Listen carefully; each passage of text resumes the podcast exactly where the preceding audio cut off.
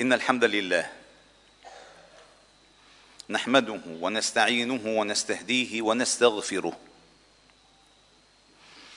ونعوذ بالله تعالى من شرور أنفسنا وسيئات أعمالنا. من يهده الله فهو المهتد ومن يضلل فلن تجد له وليا مرشدا. ومن لم يجعل الله له نورا فما له من نور. وأشهد أن لا إله إلا الله وحده لا شريك له. أرسل رسوله بالهدى والحق والنور ليدعو إلى دار السلام ودار السرور. وأشهد أن محمدا عبده ورسوله. وصفيه من خلقه وخليله. بلغ الرسالة وأدى الأمانة ونصح الأمة وجاهد في الله حق جهاده وعبد الله حتى أتاه اليقين. صلوات ربنا وتسليماته عليه. وعلى آله الأطهار وصحابته الأخيار ومن تبعهم بإحسان إلى يوم الدين. يقول ربكم جل جلاله يا أيها الذين آمنوا اتقوا الله حق تقاته ولا تموتن إلا وأنتم مسلمون. يا أيها الذين آمنوا اتقوا الله وقولوا قولا سديدا. يصلح لكم أعمالكم ويغفر لكم ذنوبكم.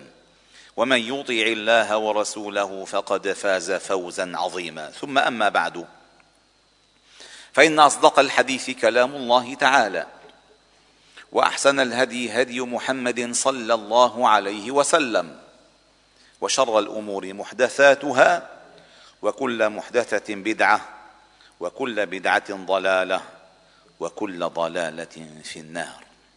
عباد الله أيها الأحبة المؤمنون كان حديثنا إليكم في الخطبة الماضية عن إبراهيم عليه السلام وولده إسماعيل الذبيح. وكان مناسبا هذا الموضوع مع عيد الأضحى. الذي يظهر أهمية التضحية والأضحية. الذي يظهر أهمية الإسلام والاستسلام لله. والذي يظهر أهمية تأسيس الأسرة على طاعة الله. فليس من فراغ أن يقول الابن لأبيه يا أبت افعل ما تؤمر. ستجدني إن شاء الله من الصابرين. وإبراهيم عليه السلام والذي سنتشرف بمرافقته في أخباره وأحداثه في هذه الفترة إبراهيم عليه السلام الله جل جلاله خاطب نبيه صلى الله عليه وسلم وخاطبنا نحن من خلاله أن تكون أحداث إبراهيم عليه السلام حاضرة في ذاكرتنا لا تغيب. فقال تعالى واذكر في الكتاب إبراهيم إنه كان صديقا نبيا. اذكر. أي لا يغب.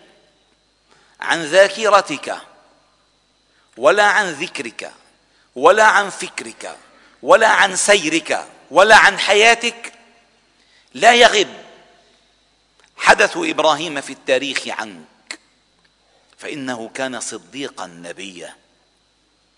والله تعالى أعطى إبراهيم منزلة عظيمة ومقاما ساميا أن جعله أبا الأنبياء. والله تعالى عندما ذكره في كتابه ذكره بأوصاف لم يذكرها لنبي ابدا. يكفيه فخرا أن الله تعالى قال عنه واتخذ الله إبراهيم خليلا. هذه المنزلة التي لم تكن لنبي قبل إبراهيم عليه السلام ثم كانت لنبينا محمد صلى الله عليه وسلم واتخذ الله إبراهيم خليلا. إبراهيم عليه السلام الله تعالى قال عنه إن إبراهيم كان أمة قانتا لله حنيفا ولم يك من المشركين. إبراهيم عليه السلام قال الله تعالى عنه ولقد آتينا إبراهيم رشده من قبل وكنا به عالمين. إبراهيم عليه السلام قال الله تعالى عنه إن إبراهيم لحليم أواه منيب. إبراهيم عليه السلام قال الله تعالى عنه ومن يرغب عن ملة إبراهيم إلا من سفه نفسه. ولقد اصطفيناه في الدنيا وإنه في الآخرة لمن الصالحين. إبراهيم عليه السلام قال الله تعالى عنه قل صدق الله فاتبعوا ملة إبراهيم حنيفا وما كان من المشركين. فإبراهيم عليه السلام نحن نحتاج لأن نقلب صفحات حياته حتى نتلمس خطواته فنخطو في حياتنا.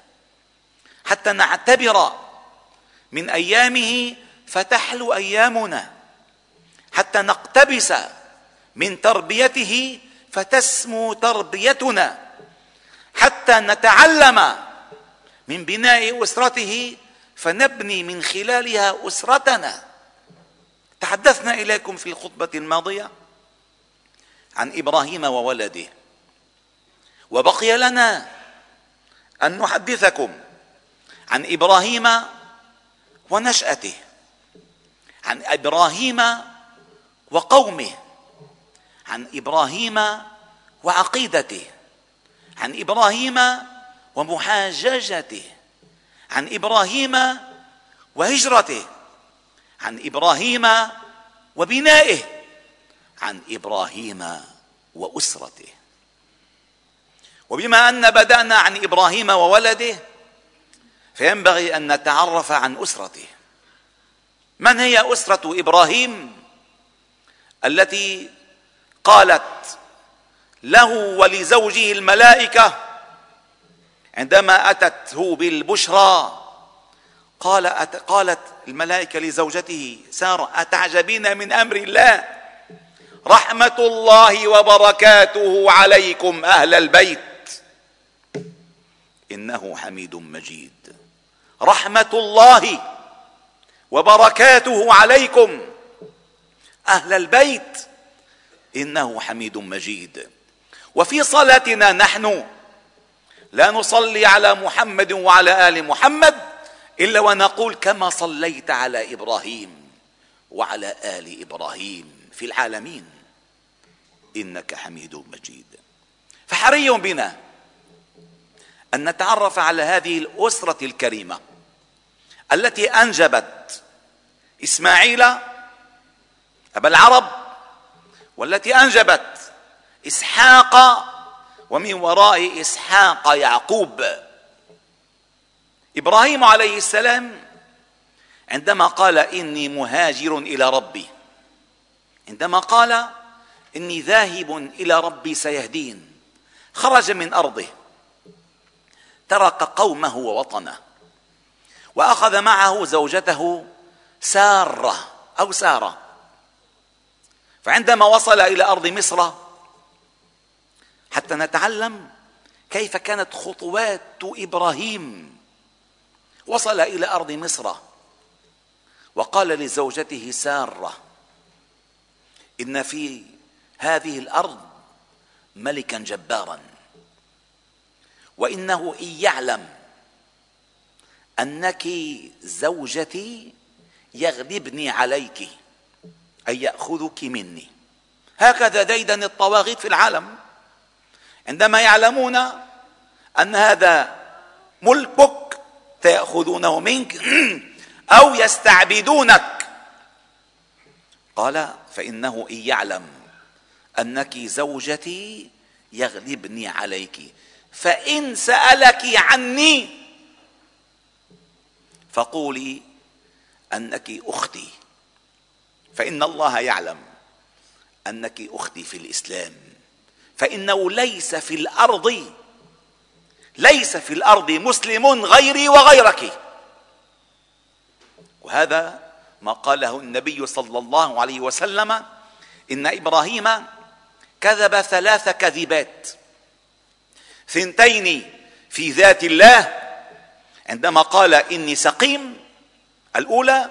والثانية عندما قال بل فعله كبيرهم هذا. والثالثة في شأن سارة عندما قال قولي أنك أختي.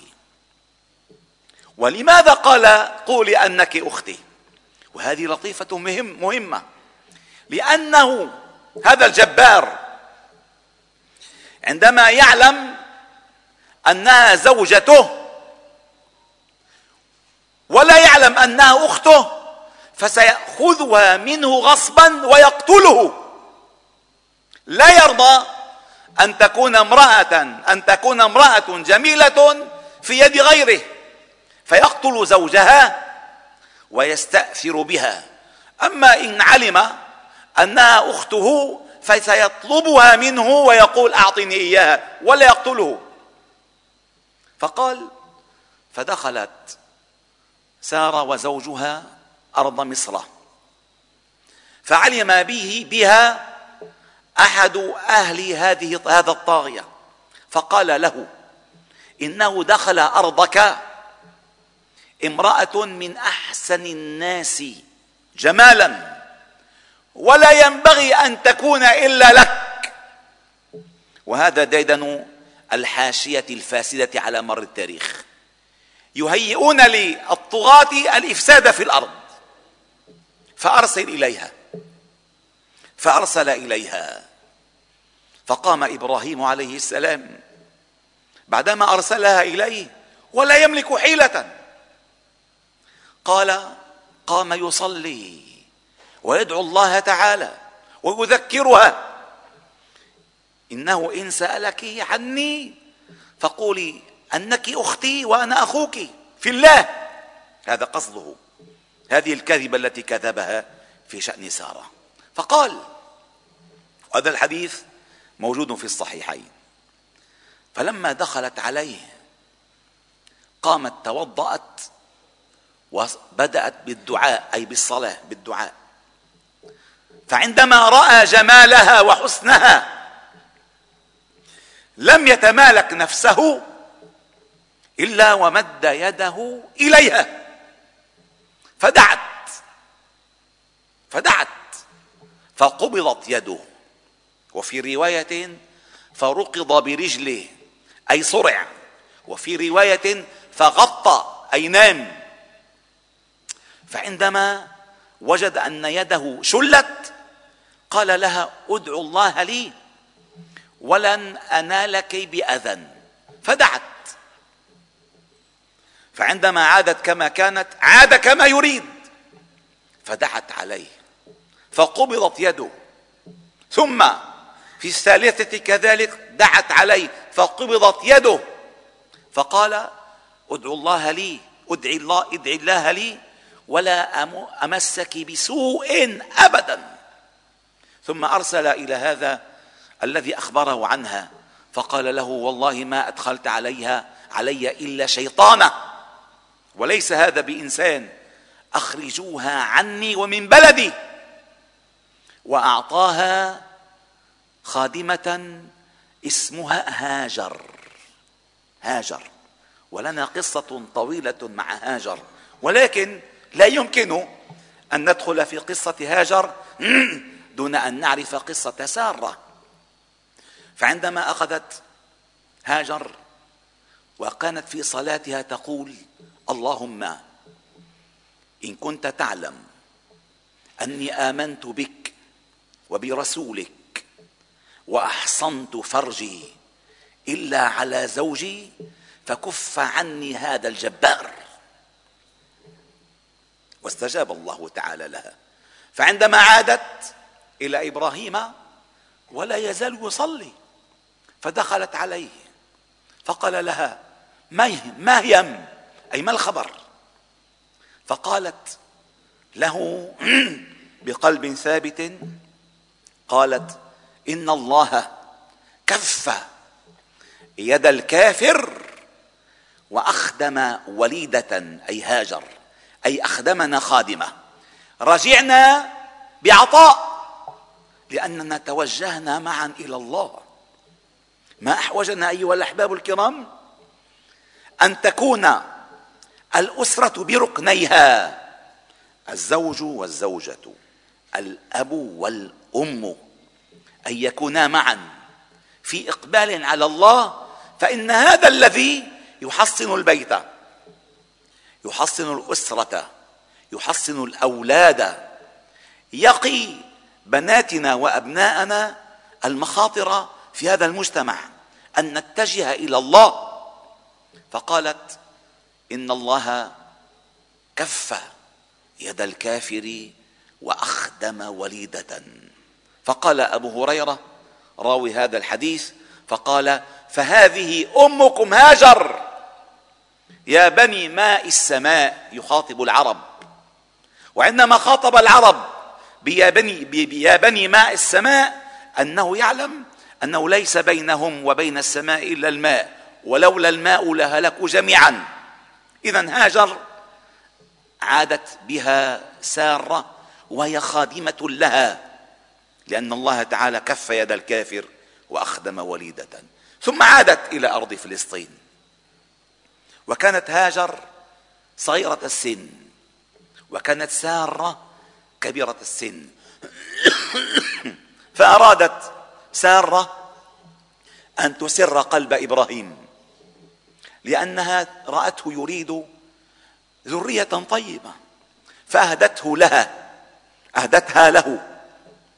فعندما أهديت له هاجر أهديت له هاجر ولدت له إسماعيل.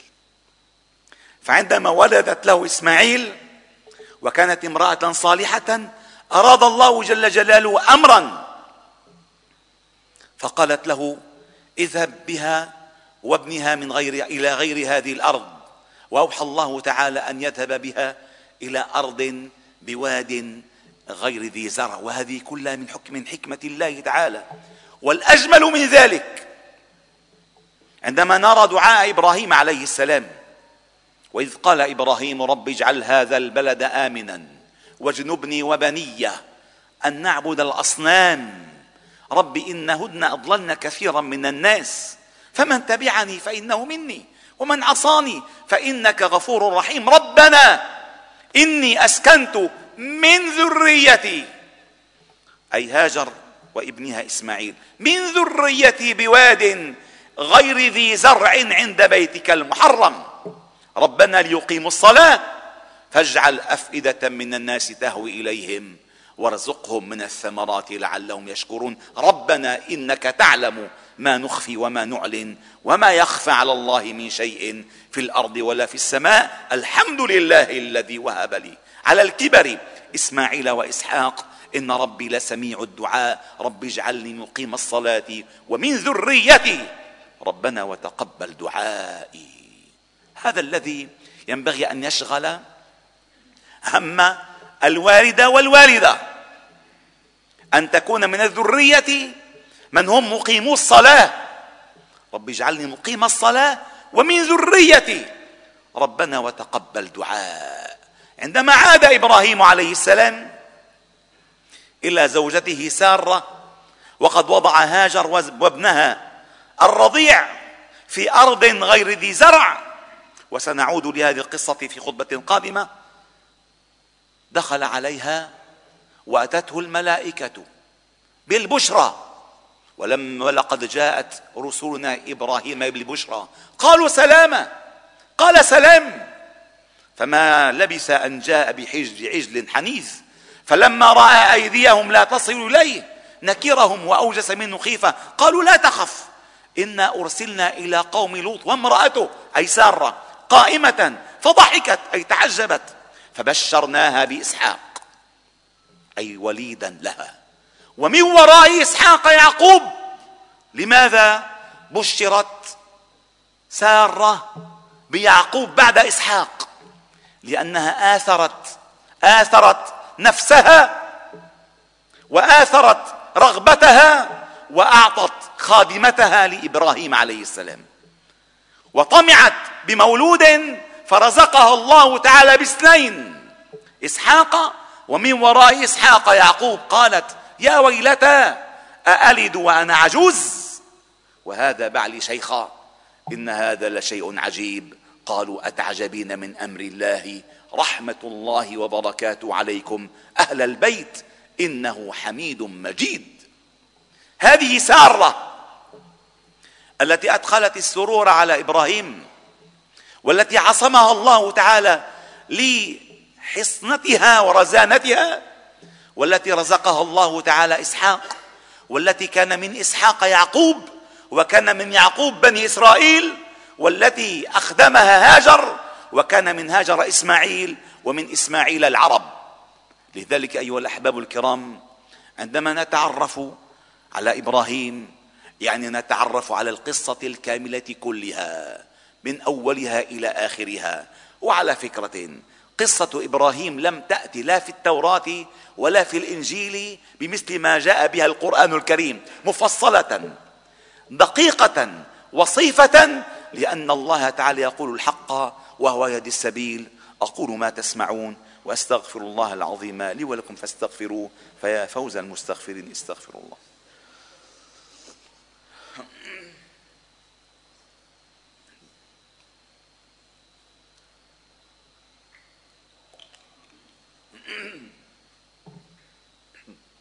الحمد لله وكفى وسلام على عباده الذين اصطفى واشهد ان لا اله الا الله وحده نصر عبده وصدق وعده واعز جنده وهزم الاحزاب وحده لا شيء قبله ولا شيء بعده ولا نعبد الا اياه مخلصين له الدين ولو كره الكافرون وأشهد أن محمدا عبده ورسوله وصفيه من خلقه وخليله. بلغ الرسالة وأدى الأمانة وعبد الله حتى أتاه اليقين عباد الله. إن الله وملائكته يصلون على النبي. يا أيها الذين آمنوا صلوا عليه وسلموا تسليما. اللهم صل على محمد وعلى آل محمد كما صليت على إبراهيم وعلى آل إبراهيم وبارك على محمد وعلى آل محمد كما باركت على إبراهيم وعلى آل إبراهيم في العالمين إنك حميد مجيد. وارض اللهم عن الخلفاء الراشدين والصحابة والتابعين ومن تبعهم بإحسان إلى يوم الدين وعنا معهم برحمتك يا أرحم الراحمين. اللهم ارحمنا فإنك بنا راحم ولا تعذبنا فإنك علينا قادر. ولا تسلط علينا بذنوبنا من لا يخافك ولا يرحمنا. يا حي يا قيوم. يا حي يا قيوم. يا حي يا قيوم. برحمتك نستغيث. أصلح لنا شأننا كله. ولا تكلنا إلى أنفسنا طرفة عين ولا أقل ولا أكثر. إلهنا مولانا أنت رب العالمين. اللهم اهدنا واهدي بنا واجعلنا سببا لمن اهتدى. اجعل اللهم هداة مهتدين غير ضالين ولا مضلين سلما لأوليائك وحربا على أعدائك. نحب بحبك من أحبك ونعادي بعداوتك من خالف أمرك. اللهم اهدي شبابنا اللهم اهدي رجالنا اللهم اهدي أبناءنا اللهم اهدي بناتنا اللهم اهدي نساءنا وشاباتنا اللهم اهدي إخواننا وأخواتنا اللهم اهد أمهاتنا وآباءنا ربنا ارحمهما كما ربيانا صغارا. اللهم اهد علماءنا لقول الحق واهد ولاة أمورنا للحكم بالحق واهدنا بهداك ولا تكلنا إلى سواك. اللهم أحسن عاقبتنا في الأمور كلها وأجرنا من خزي الدنيا وعذاب الآخرة.